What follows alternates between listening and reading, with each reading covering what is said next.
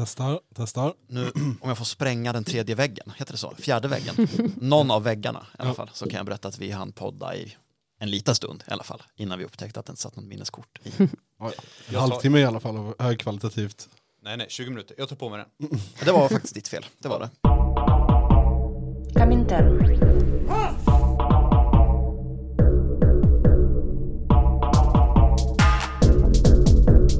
Berätta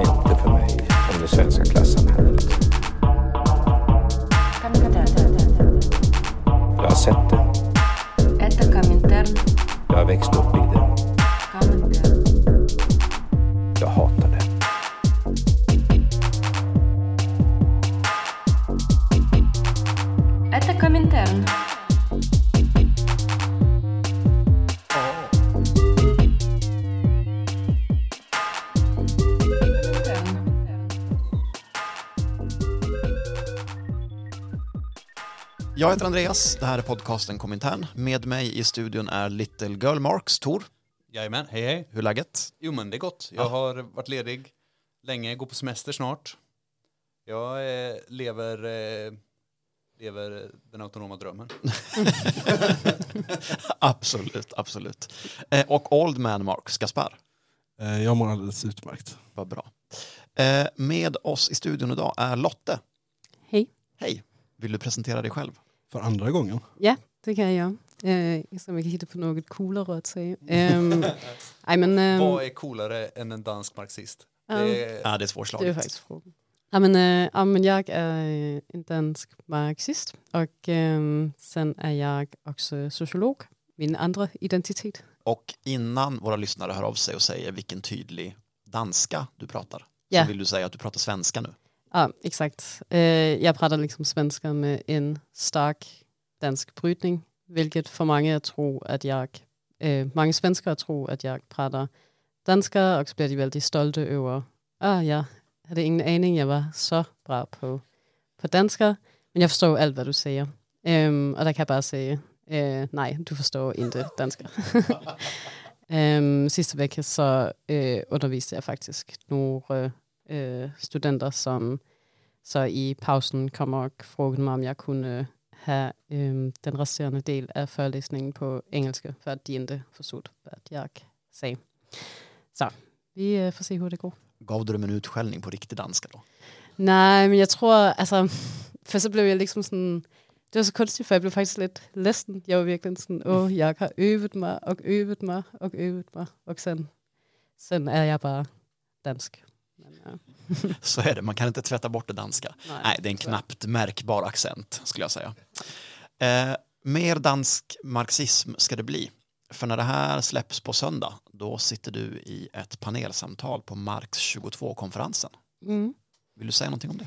Eh, ja, jag eh, ska vara med i ett panel på den här Marx-konferensen som är ordnat av, panelet är ordnat av eh, Röda rummet, en tidskrift.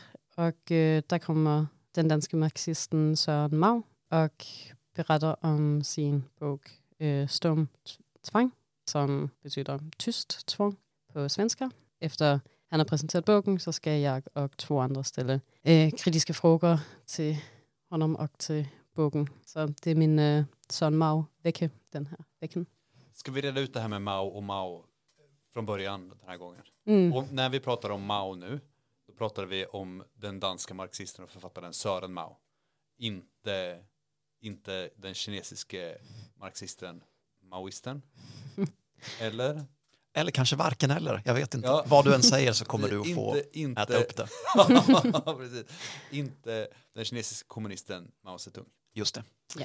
Eh, jag öppnade en artikel i tidskriften Röda rummet, typ i somras kanske, Mm. Eh, om den här boken, Stumt tvång, tyst tvång. Och så läste jag kanske halva och sen gjorde jag sådär som man gör, ni vet, man sparar fliken öppen i telefonen. Och sen gick det ytterligare några veckor och så när jag öppnade den nästa gång så kom jag ner till artikelförfattaren. Och då satt vi i samma rum, vi var båda på forum, du och jag, Mm. för ett möte. Mm. Så då sög jag lite på det och sen frågade jag dig långt senare. Men jag tyckte att det var coolt. Du var starstruck. Ja, ja, ja jag höll på, ja. Knäsvag blev jag. Eh, så vi ska såklart prata om tyst tvång i det här avsnittet. Mm. Ska vi börja med begreppets ursprung? Eh, men uh, tyst tvång det kommer från Marx himself. Det är i första bandet av Kapitalet, det kapitlet som handlar om ursprunglig ackumulation. För det första så den här idén om ursprunglig ackumulation är liksom att, um, handlar liksom om kapitalismens ursprung och um, hur det liksom inte är det inte var en naturlig process men liksom en våldsam process var att man liksom tvang kapitalismen fram. Det som tyst tvång liksom syftar till är det här med att med kapitalismen så kom så ändrades den eh, typen av makt som var i samhället också. Så um, i pre, var det prekapitalistiska samhället så var tvång liksom um, ja, var motsatsen till tyst högljutt. Um, Uttalat, Uttalat. uttalat kanske. Ja. ja, att man liksom var bonde, arbetade för en herre, men um, och om man liksom inte gav men sitt tionde eller så, så blev man liksom fysiskt avstraffad eller kastad i fängelse eller jag vet faktiskt inte helt vad man exakt gjorde, men um, Den typen av tvång som inte existerar längre. exakt, det var aldrig någon där blev uh, kastad i fängelse längre. Men det är i alla fall inte den uh, primära liksom, tvång längre i kapitalismen. Att, um, det som tvången istället handlar om är att vi som, um, som arbetare är livet, vi är blivit separerat från, um, vår, liksom, från produktionsmedlen och um, jag tycker Sören beskriver det ganska bra ved att han säger att der liksom i kapitalismen är den här radikala separationen mellan livet och, livet och dess betingelser. Um, så att för att uh, øh, vi ska kunna få de, de saker vi behöver för att kunna överleva, alltså liksom mat, husly och allt något sånt, så måste vi liksom gå igenom så måste vi gå igenom kapitalet så att säga. Att vi liksom är, uh, øh, vi är liksom tvungna att, uh, øh, vi är tvungna att sälja vår uh, arbetskraft så att vi kan få en lön, så vi kan få pengar, så att vi kan köpa de här, um, de här, ja, så vi kan köpa de här bara vi behöver för att överleva. Och um, det vill liksom säga att om det är liksom ingen som tvingar oss att gå på arbete, det är det ju på, på ett sätt är det ju liksom att man kan prata liksom om statens tvång också. Men om, um, om man, den primära tvång är liksom inte att där, där kommer inte någon och liksom hotar med att uh, øh, döda dig eller sånt, om uh, du inte går på arbete men du dör om du inte går på arbete för du kan inte få, det är det enda sätt, sättet du kan få pengar till liksom att uh, överleva. Just det, det är tvång, det är samma sorts tvång men det är en annan slags tvång Ah. samtidigt. Du sa förut, jag uppskattar när vi pratar Marx Skypodden, men jag tänker ändå att vi ska förklara. När du sa den primitiva eller ursprungliga ackumulationen, vad menar vi då? Jamen så menar vi, när Marx liksom använder det här uttrycket, att så øhm, talar han om en period i, från, som liksom var i övergången mellan feudalism och kapitalism, var att der liksom, han beskriver det som att kapitalismen kom liksom inte fredligt äh, eh, till världen, den kom till världen äh, eh, genom blod och eld. Och ehm, äh, med det menar han liksom att det var den här, det är liksom den här idé om kapitalismens ursprung som att det liksom bara är ett naturligt resultat av mänsklig natur.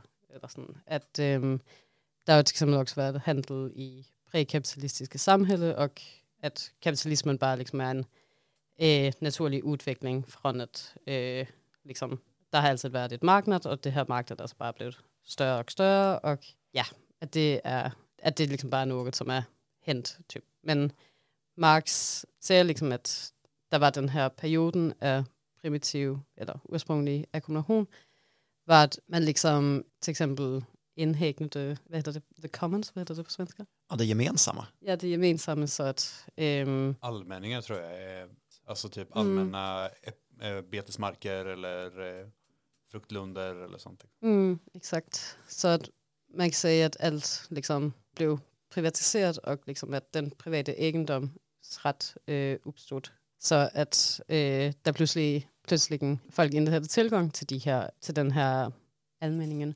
som man hade haft tillgång till tidigare. Ryan berättade för mig att han hade sett primitiv ackumulation eh, på ringen. Känner ni till Technotunneln? Mm. Mm. Att det finns en tunnel där det har- har varit i alla tider svartklubbar. En tunnel som alltid har funnits där, som har tillhört ingen och alla. som någon gång har gått tåg i, men det var länge sedan. Det var väldigt, Mm. väldigt det är länge ingen som sedan. minns det. Det är ingen som minns, ingen har sett. Man har hört talas om att det har gått tåg i den. Det finns en räls, Ja. men mer än så finns det inga bevis. Nej. Sen en helg här under sommaren, då var det någon slags så techno-startup som hade tagit den tunneln. Och nu måste man betala om man vill hyra den för att ha fest. Va? Jamen, jeg, har, jeg var til fester i slutet af sommeren, hvor at man skulle betale. Det tyckte jeg var väldigt kunstigt. Ja, jag tror heller inte att de äger tunneln, utan de har, de har tagit den i besittning. Oj. De tog det gemensamt och gjorde det privat. Men hur, hur? Hur upprätthåller de det här? Ringer de snuten? Med tyst svart? tvång, Tor. Nej, men med tyst. Något jag tyckte var konstigt när jag var til fester där i slutet av sommaren var liksom, att polisen faktiskt kom, men de gjorde inget. Och det er kanskje bara min, liksom, att jag inte förstår svensk svartklubbkultur, men att äh, øh, jag stod liksom och dansade och plötsligt var det bara fyra poliser, kollade lite och så gick de igen. Så jag vet inte om de øh, äh, liksom är assisterer den primitiva ackumulationen som händer på Ringøen. Antagligen gör de det. de. Man måste ändå, det tysta tvånget kan ju bara existera om det finns liksom, om, om den våldsamma disciplineringen finns i hägringen. Mm. Men du, skriver Sören Mau någonting om hur det tysta tvånget tar sig uttryck?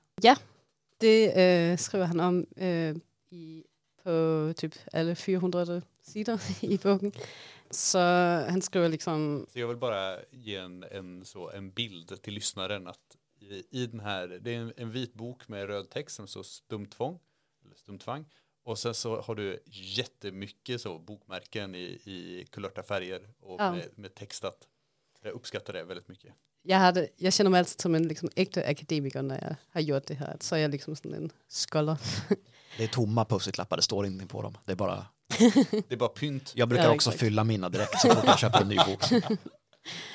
Det som han øh, liksom gör i boken, är liksom egentligen att visa hur det här tysta ekonomiska tvånget liksom tar sig ut i, i olika delar av samhället och i vårt liv. Att till exempel så har han en diskussion om hur det här ekonomiska tvånget liksom, alltså att det liksom bestämmer samhällets sociala reproduktion, vilket bara vill säga typ hur samhället liksom reproducerar sig själv eller hur det, på vilket sätt det liksom förutsätter att existera, att det är liksom, i kapitalismen är det liksom det här ekonomiska tvång som bestämmer hur det ser ut. Och, um, han har också en diskussion av hur det här ekonomiska tvången också liksom är med att ändra naturen, typ att um, han har den här diskussionen om typ GMO och hur den här, för att hans, alltså ett av hans liksom vigtigste argumenter är att i kapitalismen så fungerar makt liksom både horisontalt och vertikalt. Så det fungerar liksom både mellan klasser, att, ja, att vi fyra är tvungna att gå på arbete och liksom producera värde för en kapitalist. Men øh, eh, makten fungerar liksom också horisontalt i de olika klasser. Ehm, så att där finns liksom också en, kapitalet har liksom också en makt över kapitalisterna. För i kapitalismen att man liksom är tvungen till tvungen att ackumulera hela tiden och liksom skapa mer och mer profit, så är kapitalister liksom också hela tiden tvungna att vara i konkurrens med varandra. Och det är liksom bland annat det som driver teknologisk utveckling till stor del, att man liksom försöker att, ja, man försöker liksom att utkonkurrera andra kapitalister via att kunna producera mer på kortare tid. Och det blir liksom tydligt när man ser på den här diskussionen om kapitalismens inverkning på naturen, att till exempel den här, alltså den här uppfinnelsen med GMO, som jag kanske borde veta mer om, vad det, liksom, vad det egentligen är. Alltså man liksom grundläggande ändrar hur naturen är, att man ändrar liksom hur växter, alltså man går in liksom och ändrar i växters øh, typ DNA, eller, för att de liksom ska kunna, att man liksom ska kunna få kunne høste flere gange på et år, eller sådan, så at man kan. Så det er liksom et sæt, at den her økonomiske tvang liksom har effekt på konkurrencen kapitalister imellem, og hvor det så liksom får ganske store konsekvenser for naturen, som man egentligen, altså det er jo ganske sjukt, når man tænker, når man egentligen tænker på, på det. Jag vet inte om det är så att jag är för insyltad i liksom vänstern. Men det känns ju som ingenting med de här tvången känns ju stumt. Alltså, jag tycker jag blir skriken i ansiktet. Att jag måste gå upp och arbeta varje dag. Och jag är också intimt smärtsamt medveten om vad som händer om jag inte arbetar. Och eh, väl förtrogen med resultatet av att inte göra det. Eftersom jag har försökt. Förstår du vad jag far efter Mm. här? Att det känns, alltså att Det är klart att det är skillnad på den sortens tvång som en, en feodal bonde eller en slav under Mm. antiken eller något sånt där upplever tvånget och på hur jag upplever det. Men stumt tycker jag att ta i. Kanske lite dämpat. Men jag, men jag tror att det är, alltså, jag tror att för många så är det inte tydligt. Jag tänker på en kampanj som var kampanjen mot AUC, minns ni dem? Eller är det bara jag som är så gammal?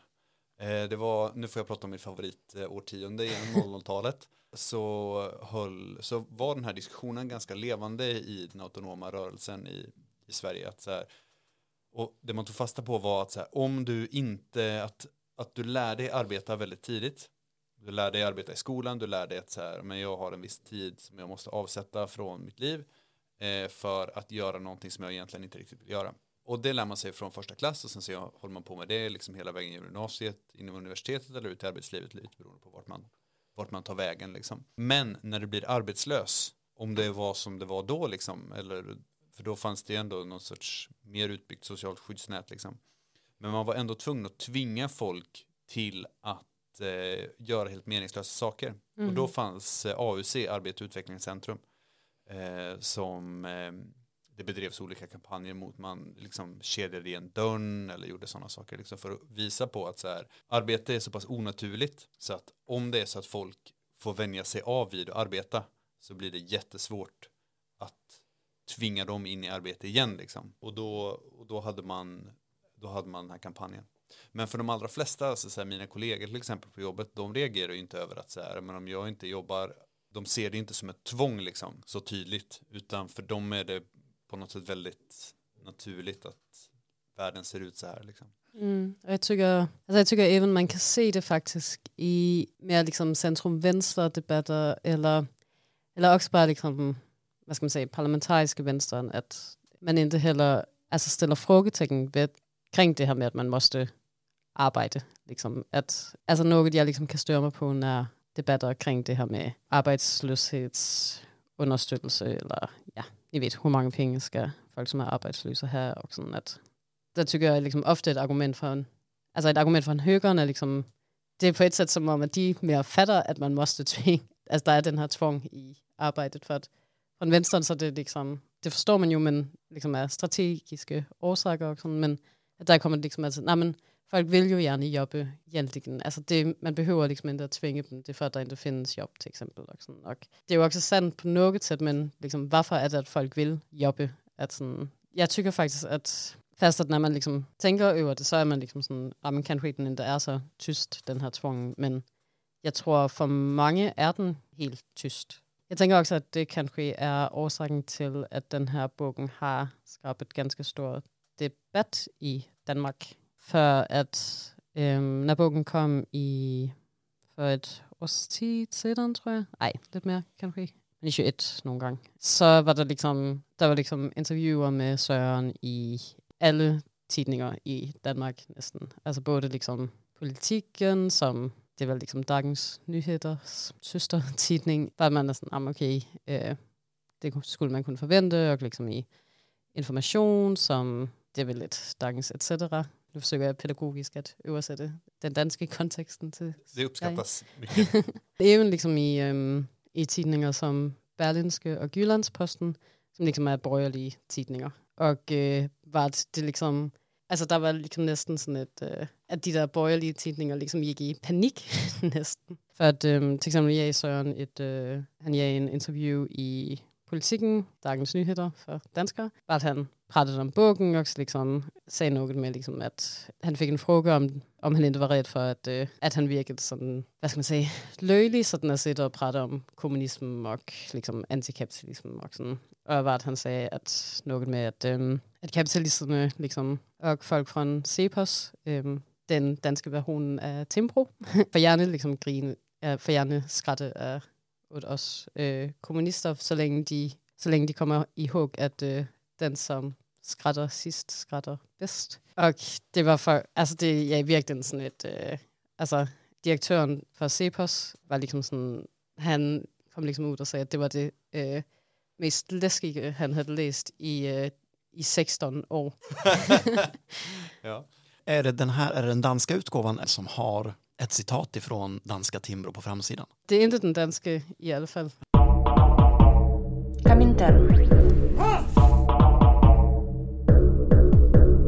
Jag såg bara en bild som Cepos liksom hade gjort själv, vart direktören för Cepos liksom står för sådan en, øh, en röd liksom bakgrund och vart där så står det där citatet och vart jag var sådan, det här kan, det såg bara så mycket ut som ett meme. Jag var sådan, hur kan, det kan ändå ha gjort själv, men Precis, bara, vem, vem kommer det här ifrån?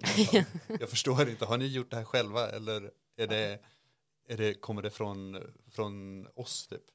der er vel liksom også i de her borgerlige tidninger, var der vældig mycket sådan, øhm, der var mange, som skrev om det her med, åh nej, marxismen øh, er tilbage på universiteterne, øh, Marx's spøge går igennem øh, dansk, den danske akademi, og, sådan, og jeg var på den, der er ligesom også en dansk Marx-konference hver år. Den var jeg på sidste år, og der var der liksom en journalist fra tidningen Weekendavisen, som også er sådan en borgerlig tidning, som liksom var med at gjorde en rap- rapportage fra det her, øh, den her konference, som liksom, jeg tyckte liksom, jeg var virkelig sådan, okay, det her er en konference, hvor vi er 50 personer, kanskje. Og så er det liksom af inter, pludselig er liksom af interesse for den borgerlige, borgerlige tidningers liksom, læsere, eller sådan, var liksom utroligt, hvor, hvor mycket debat den her bogen sk- skabte, for at det er liksom ikke sådan en easy read, skulle jeg sige. Den er liksom, Søren skriver ganske bra, sådan, men den är också ganska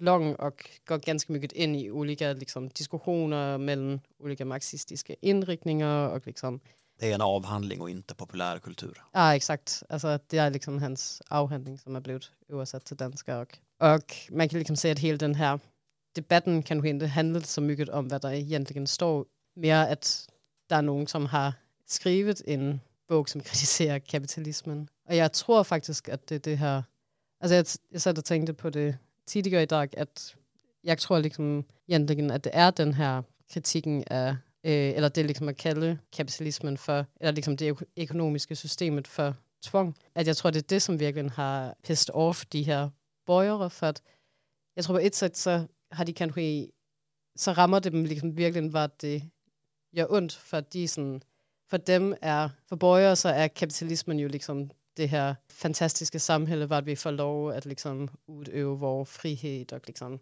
äh, øh, så länge vi liksom jobbar hårt och ja, vad det nu är de tycker man ska göra. Och så det, där kommer en liksom och säger liksom, nej, det här är inte frihet, det är liksom tvång. Men jag tänker, jag tänker på den här eh, øh, bilden som du har pratat om, eller bilden och bilden, men eh, eh, liknelsen med eh, att eh, de som har makten sitter på ett, som du har tagit upp, Gaspar, de som har makten sitter liksom på ett jätte, jättehögt torn av legoklossar och ser själva hur det här tornet är, är jättebräckligt, medan för oss så verkar det superstabilt liksom. Och så kommer det in någon och, och dels kritiserar kapitalismen men också kritiserar i någon mån arbetet och hela det här narrativet om friheten som du pratar om. Jag bara säger så, ni sitter ju på ett jättehögt torn av legoklossar.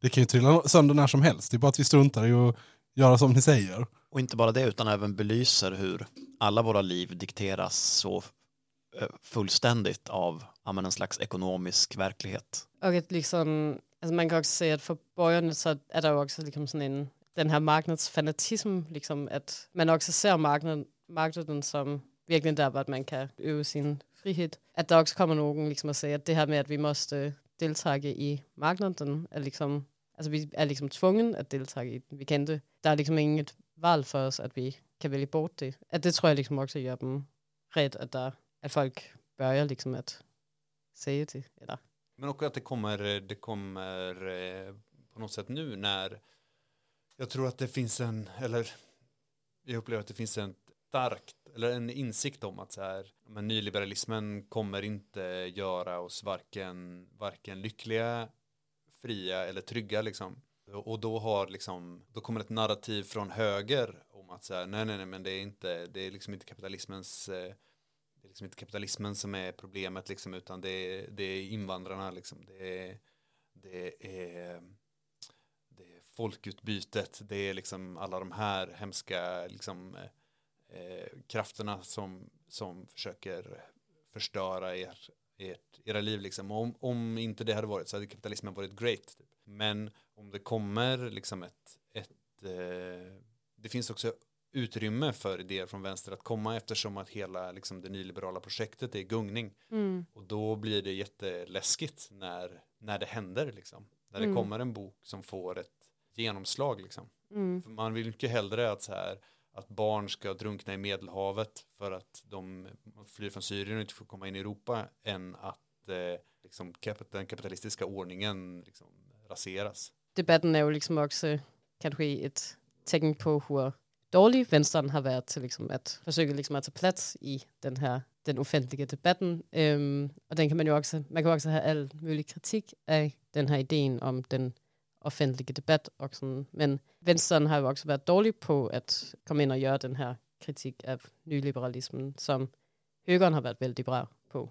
Jag tycker också att den här den här debatten om också ganska upplyftande för att det det visar att okej, okay, nej, man kan faktiskt komma in och liksom kritisera de här idéer, och øh, eh, de blir extremt liksom rädda om man gör det.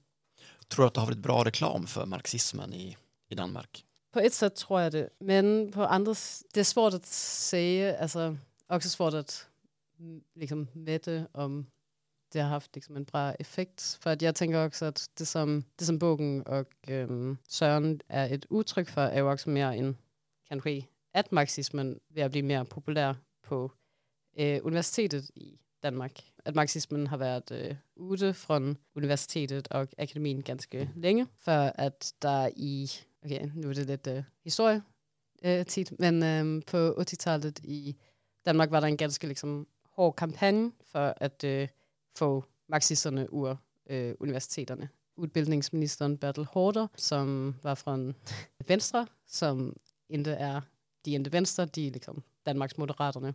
Men nu er der også et, et nyt parti i Danmark, som hedder Moderaterne. Så, men anyways. Øh, Ni gör det inte lätt för er. nej, Och inte för oss heller. Men i alle fald, han, hans liksom, mi, mission var at få øhm, marxisterne ud af universitetet. Var det virkelig blev sådan øh, tydeligt, var at øhm, han faktisk stængte Sociologisk Institut på Københavns Universitet i flere år.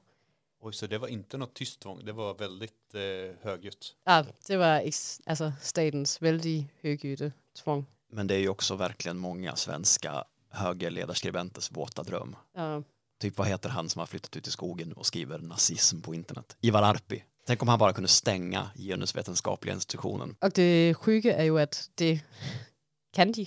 Det man såg på 80-talet, øh, det var verkligen att sådan, att det verkligen funkade. det att, det att de stängde liksom, øh, sociologiska Institut, för att det var blivit för marxistiskt gjorde, att när, när institutet så, det heter institut på danska, men här kallar man det ju nog institution, när det öppnade igen, så var det liksom uden kultursociologin och alltså man anställde inte heller liksom marxister längre. Jag har pluggat på antropologisk institution i øh, Köpenhamn och där har det liksom också varit den här liksom, øh, har, det har liksom också varit ganska marxistiskt, men på 80- och 90-talet så började de här marxister liksom att försvinna och man började liksom att anställa folk, som var mer, ja, i alla fall inte marxister. Så de her, marxismen har liksom været borte fra Dansk Ak- Akademi ganske længe. Hvad skal man sige, min generation af akademikere, øhm, at der er liksom en stor del af os marxister igen. Og sådan kan man se, øhm, at det, det er folk, øhm, det er liksom borgerne øh, ganske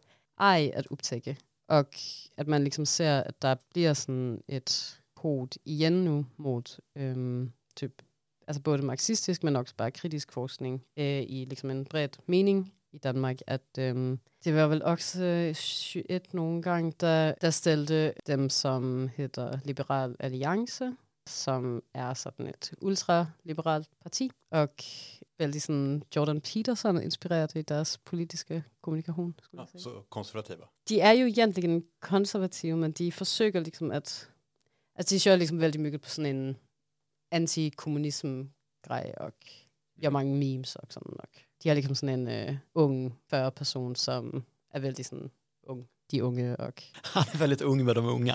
men altså, liksom, han er sådan... Øh, Det är mina värsta borgare. Ja, men exakt. Liksom på TikTok, øh, der er også sådan unge tjejer, som bøjet, der kalder honom øh, Daddy Vandopslag. Og sådan Nej, noget. Øh, nej. Ja, ganske ægteligt. Øh, jeg tror, det er mit... Øh, jeg tror faktisk, at jeg... Øh, jeg tror faktisk, det er det parti, jeg gilder mindst. Eller jeg hader mest, faktisk. Mere end Dansk Folkeparti og nogen sådan. Vilken skulle vara den svenska motsvarigheten skulle ni säga? Vadå till... Vem är mest daddy på den, bland libertarianerna? Vad heter han som har en YouTube-kanal och som pratar väldigt konstigt och som hänger med Aron Flam? Jönsson någonting. Henrik Jönsson, heter han inte så? Ja, skitsamma, förlåt Lotte. Ja, Det känns väldigt danskt också det här tycker jag. Det känns som att det liksom ett litet tag till inte riktigt får, får som plats i den eh, ganska tråkiga svenska politiken liksom. Men vi har jo også en mycket lækre spærgrænse, end I har, hvor er jo bare øh, 2 procent. Så der er ligesom også øh, udrymme for, at alle de her liksom, nye øh, kunstige partier liksom, får, liksom, kommer ind i parlamentet og bør liksom, at... Jeg skulle sige, at liksom, øh, Liberal Alliance og øh, Alex Van Opslag for personen er et vældig, et ganske liksom, dansk fænomen. Sänk riksdagsspärren för fler daddies i politiken. Øh, jo. nu funderer jeg på, om jeg skal forklare et meme for jer, men jeg tror, det bliver liksom lidt for svårt at forklare. Testa, Øh, det här är ju det bästa eh, mediet för memes. Jamen, okay, men er bare sådan en, øhm, liksom på den danske, hvad skal man sige, meme, vänstern, så er der liksom det her meme om honom, förpersonen Alex Vandopslag, som der er liksom, altså jeg har ingen aning, hvor det kommer ifrån, men det er liksom, at hver gang, at Alex Vandopslag har gjort en ny kampagne, eller liksom gjort en nyt sådan, han liksom køber sådan store reklamepladser på olika torg i Danmark, og, sådan, og så store billeder på sig selv, og så står der liksom noget sådan, du kan selv, du behøver ikke staten. Og, sådan og hver gang han gør det, så er der liksom nogen på meme i Danmark, som øhm, Photoshop, ja, Photoshop, det kan du er så av- avanceret, men som tager de her billeder, og så selv liksom skriver, øhm, jeg slikker inte fitter, og jeg kender ingen som jeg. På alle de her billeder af honom. Og jeg, jeg har ingen aning, hvor det kommer ifrån, men det gør mig så glad hver gang jeg ser det meme.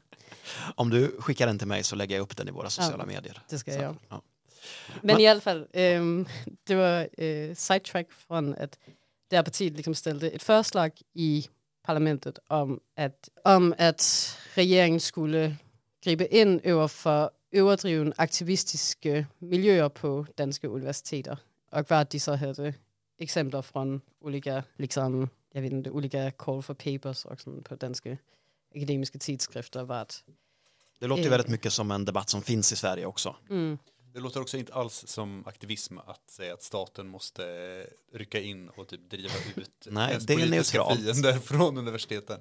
Ja, men exakt, og det er så frustrerende, liksom, at de liksom ikke, det er jo ganske liksom, tydeligt, tykker jeg, men at, det, liksom, at de får lov, altså bare at se, for det her fors- forslag blev gennemført. Og det var liksom sådan, altså, det var jo mere symbolisk, for at det er ikke så, at de skal gøre noget konkret, men mere at så har udbildningsministeriet øhm, sagt, at vi, vi lover at se, se over det her, eller have kold på det. Det sæmste er faktisk, at der, de er ikke så mange i det her parti, som sætter i rig Folketinget, vort parlament, vort parlament, lidt, lidt vældig stolt derinde. Men der er en af dem, som faktisk er sociolog, og kanskje Danmarks mest kendte sociolog nu. Men han kör liksom väldigt mycket den här, tar väldigt mycket den här, eh, øh, det att han liksom är sociolog och liksom är vetenskapsman, typ, att han liksom använder det i sin, att han, det är jättemycket honom, som kör det här, den här kampanjen och att han liksom är sån, vetenskap måste vara fri från politik, och måste vara fri från allt det här. Och ja, det var liksom extremt frustrerande också. nu jobbar jag ju inte i Danmark, så det rammer ju inte liksom mig personligt, men liksom det, att at i Danmark er øh, universitetet liksom ekstremt styrt politisk, at, øhm, og bliver liksom ændret hele tiden, og øhm, vanligvis er det egentlig sådan, at til eksempel er det väldigt vanligt, at regeringen går ind og liksom stænger studiepladser på olika udbildninger, om der er for mange, der kommer for mange arbejdsløse dimittenter därifrån. og sådan at det känns liksom ganska läskigt att de liksom gör det hela tiden, och nu har de liksom det här extra själv att göra det för. Det är också den här eh, liberala myten om att eh, liberalismen är inte politisk utan Mm. det är bara en naturlag liksom. Och det allt annat är politiskt medan liberala idéer är inte det liksom. Det blir så väldigt tydligt när, när olika liberala eller konservativa eh, liksom akademiker pratar om att akademin måste vara fri från politiken Mm. som, att, som att de inte drev en politisk linje liksom. Har du några andra favoritbitar av boken? Jag tycker det här med liksom att framhäva hur, kap, alltså det här med att framhäva att kapitalismen inte bara funkar liksom vertikalt mellemklasser, men liksom också horisontalt, är ett väldigt bra sätt att tänka på. Och jag tycker faktiskt att det är något af det, som boken gör bäst. Så något jag tycker väldigt mycket om, är eh, hur han slutar boken som liksom är med att, eh, med att säga att eh, föremålet med liksom att skriva en bok som den här øh, som liksom er ganske abstrakt på något sätt. Att det liksom är att assistera i kampen för kommunism. Så det är också en av mina favoriter. Jag har inte läst den, men av de, vad jag tror är ett utdrag. Det var ett citat nämligen i en längre recension som inte hade någon källanvisning, så då bara antog jag att det var Sören Mao himself. Att det är ett ganska, eh, vad ska man säga, utsvävande språk. Överallt där kapitalet visar sig introducerar det sitt karaktäristiska modus operandi på den samhälleliga nivån. Spräcker, pulveriserar, klyver och spaltar upp för att sedan samla ihop, förbinda, sätta samman och rekonstruera för att väva in förmeringen av värde i den sociala reproduktionens transcendentala natur. Mm. I svulstigt. Ja. Det är det. Men det är också det, jag tycker om med den här boken, att, att Søren er liksom inte, man kan liksom känna att han inte är rädd för att vara svulstig, och också liksom att vara sådan, men både svulstig, men också sådan, att i inledningen så frågar han liksom också direkt, du ska översätta till, till svenska. Hur kan kapitalen øh, hålla fast sitt grepp om det sociala livet? Hur är det ens möjligt att en så ustabil och livsfientlig social or- ordning kan bestå i flera hundrade år? Varför är kapitalismen inte kollapsat? Mm, en jättebra fråga. Jag blir lite nyfiken, eh, eh, för du nämnde ju liksom att eh, om man, om man ska rikta någon kritik mot den här boken så är det kanske att den, eh, ah, den hade kunnat bantas ner lite eh, från, eh, från sitt eh, liksom, eh, uppsats, eh, sin uppsatsform. Mm. Men, men har du någon kanske mer liksom, teoretisk kritik eller så här, något som du tycker hmm, det här rimmar lite illa eller det här känns kontroversiellt att hävda eller någonting i den stilen? Jag tror jag har två primära kritiker. Eh, och den ena kritik handlar om, handlar om den här, alltså i boken är det liksom väldigt mycket sådan en fokus på, Søren liksom understryker att det är en abstrakt teoretisk diskussion av kapitalismen. Um, att det liksom inte är en historisk diskussion eller liksom, och att det är kapitalismen på ett typ abstrakt plan han liksom undersöker. Och jag kan vara lite sån, okej okay, men ger det mening att göra en så, så liksom skarp separation mellan det teoretiska och det historiska. För att för mig har jag, känner jag liksom att kapitalismen har ju bara funnits historisk. Eller att, att jag kan lite vara sådan, vad är meningen med att göra den här, att insistera på att det liksom inte är en historisk eller empirisk undersökning. Och det tror jag särskilt liksom kommer till uttryck i det kapitel som, det är ett kapitel som handlar om øh, skillnader inom kapitalismen. Der handler det mest om kön och ras. Bare argumentet är att, alltså han har liksom en bra diskussion om liksom olika typ marxistisk, feministisk øh, begrepp och sån, øh, men säger liksom att på ett, att på ett teoretiskt plan så skulle kapitalismen kunna funka utan de här skillnader. Alltså kapitalismen använder de här skillnader och drar nytta av dem och så vidare, men i princip skulle man teoretiskt kunna föreställa sig en kapitalism utan sexism eller rasism. Att liksom det, øh, som marxistisk feminist, øh, bliver jeg liksom provoceret det mig for at inden øh, marxistisk feminism, så øh, er øh, en af de liksom, primære argumenter det her med, at for at kapitalet skal kunne, eller kapitalismen skal kunne reproduceres, så er der liksom nogen, som så det handlar inte bara om liksom det produktiva arbetet, det handlar också om det reproduktiva arbetet. Alltså både att föda barn, øh, men liksom också att øh, ta sig af arbejderen på olika sätt øh, när arbejderen inte jobbar för att arbejderen kan bli redo att øh, arbeta igen. Och, sådan. og att det liksom är øh, totalt nödvändigt för att kapitalismen kan funka, för att kapitalet är ju liksom beroende av att det blir ved at være arbetare. Och det sättet som det är organiserat på inom kapitalismen är att det här reproduktiva arbetet, liksom, att kvinnor liksom har fått störst, det största, den största delen av ansvaret för det. Och det är liksom många marxistiska feminister som därför liksom argumenterar för att kvinnoförtryck och sexism är liksom en integral del av kapitalismen. Och Sörens argument är liksom att ja, som kapitalismen ser ut så är den så använder den liksom sexism och har den här liksom könade arbetsdelning sådan. Men att man i teorin skulle kunna föreställa sig att den inte øh, gjorde det. Men at jeg liksom kan känna, men hvad er, hvad, what's the point? at forestille sig, at den inte, en kapitalism uden den är, det aldrig har funnits. Man kan ju också föreställa sig en kapitalism som funkar alldeles utmärkt där eh, skamfilade cirkusdirektörer har otroligt hög status och blir liksom eh, behandlade som, som kungligheter.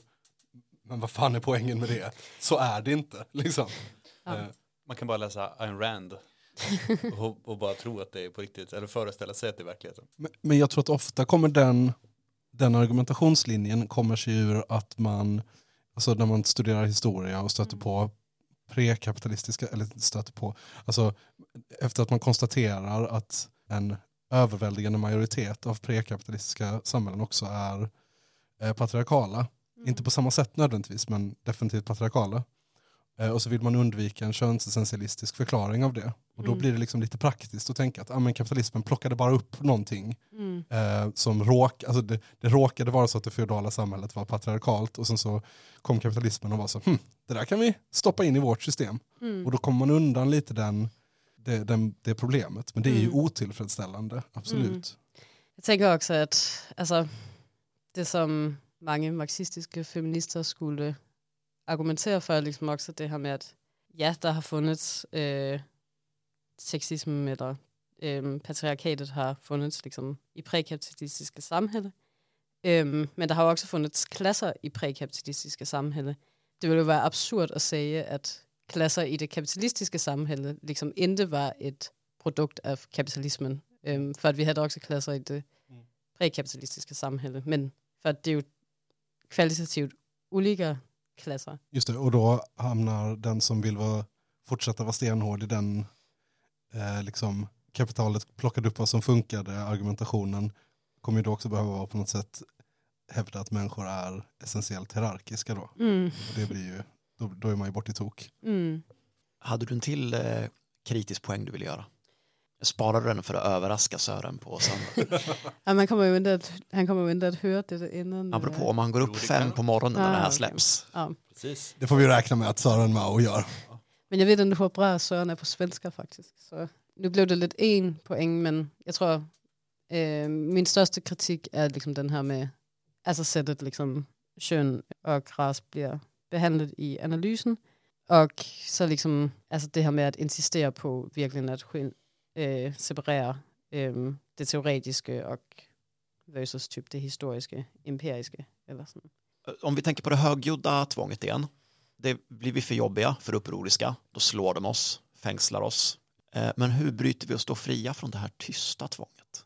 Genom det, det, tysta, det tysta upproret. Jobba lite mindre, gå ner lite arbetstid.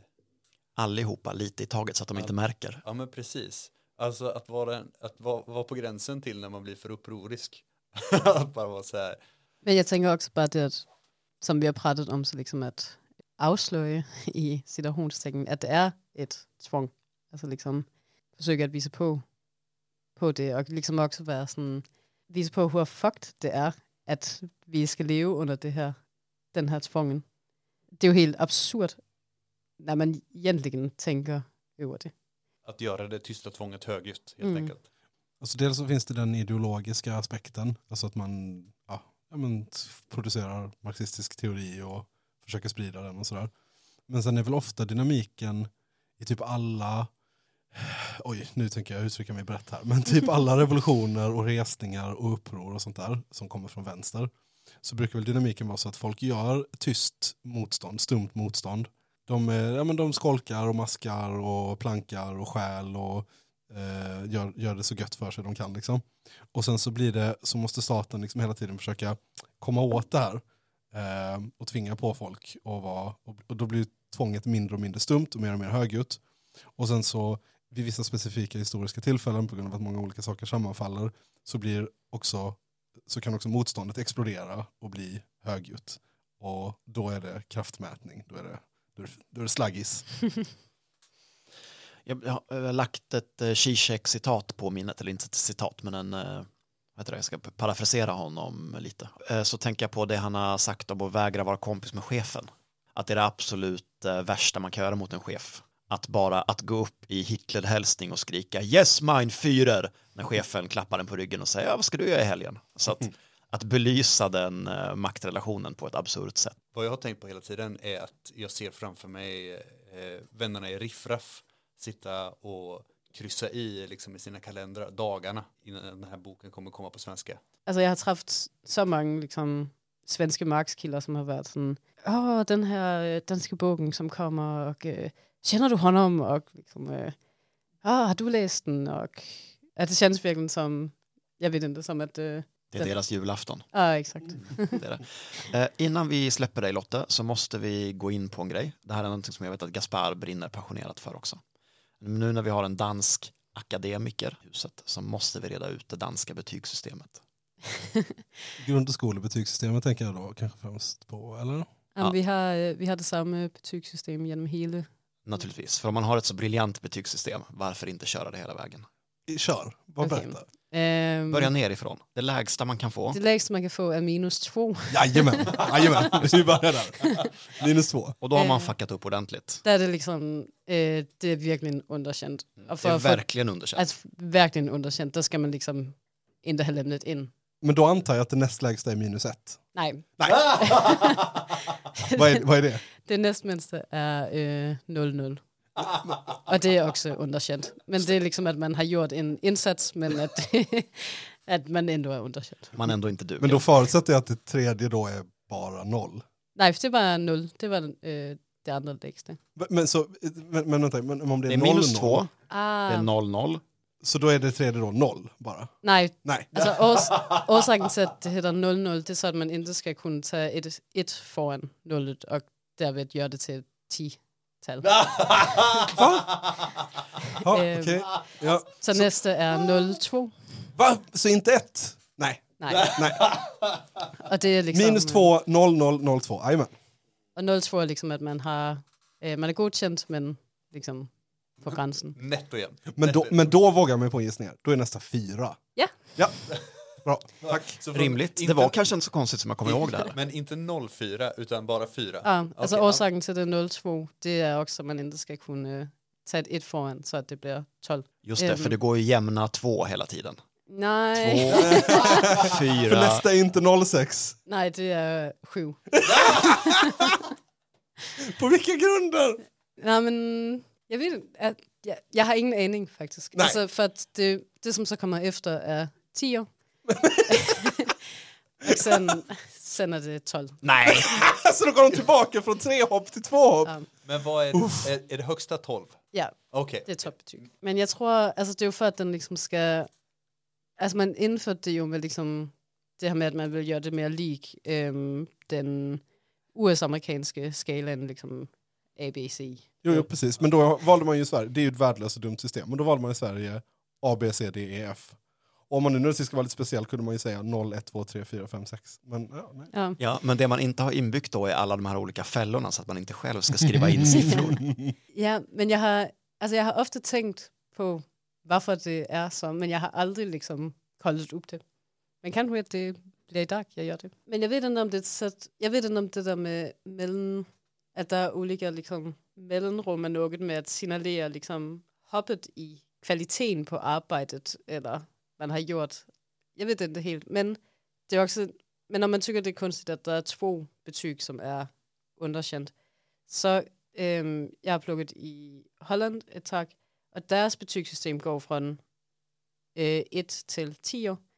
Øh, men hvor man kan få alt imellem 1 til 10 10 år, så man kan liksom også få typ 7,9 eller sådan. Och Och så det är en betygsskala med 100 steg egentligen, eller Ja. 90. Ja. ja. Ja, ja, det är nog från 0 till 10 år faktiskt. Men allt under 5,5 är underkänt. Det låter som ett helvete, Men det är ju inte ens på mitten. Nej, det låter som ett helvete att betygsätta också. Ja. Du, stort tack för att du tog dig tid att vara med Lotte. Vill du plugga någonting? Säga åt folk att göra någonting, höra någonting? Att, Eh. att vara på den här konferensen. För det kommer vara svårt att plugga innan. Ja, men det blir så kort varsel. Ja, ja. men precis. Man måste bara... Om man inte jag- bor jag i området runt Sveavägen. Jag uppmanar dig att vara på den här konferensen. Läst något marxistisk teori. Något, och något, eh, särskilt något feministisk marxistisk teori kanske. Yes. Eh, tusen tack. Förutom att du ska skicka meme till mig så ska du få välja outro-låt också. Mhm. Helst någon dansk progg om du har någon bra sån. Ska vi säga så? Det låter bra. Ha det fint. Hej Ha hej. det gott. Hej. Hej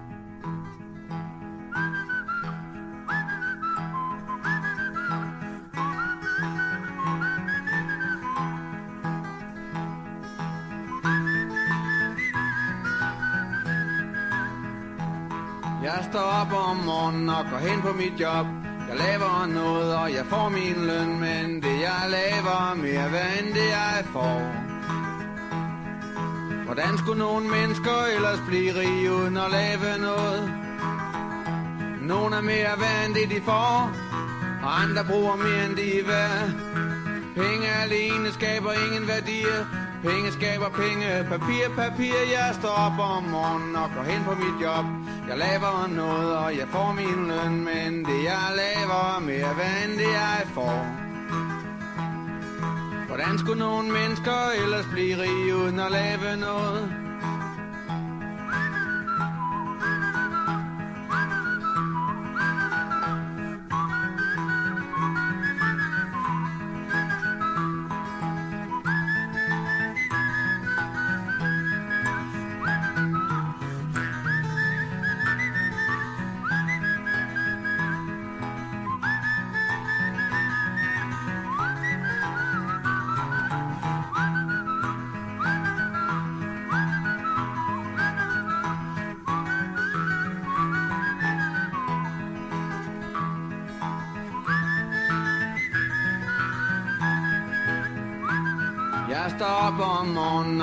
På mitt jobb Jag laver noget, og jeg får min løn, men det jeg laver er mere værd end det jeg får.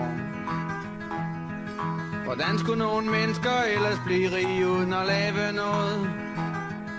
Nogle er mere værd end det de får, og andre bruger mere end de er værd. Penge alene skaber ingen værdier. Penge skaber penge, papir, papir. Jeg står op om morgenen og går hen på mit job. Jeg laver noget, og jeg får min løn, men det jeg laver er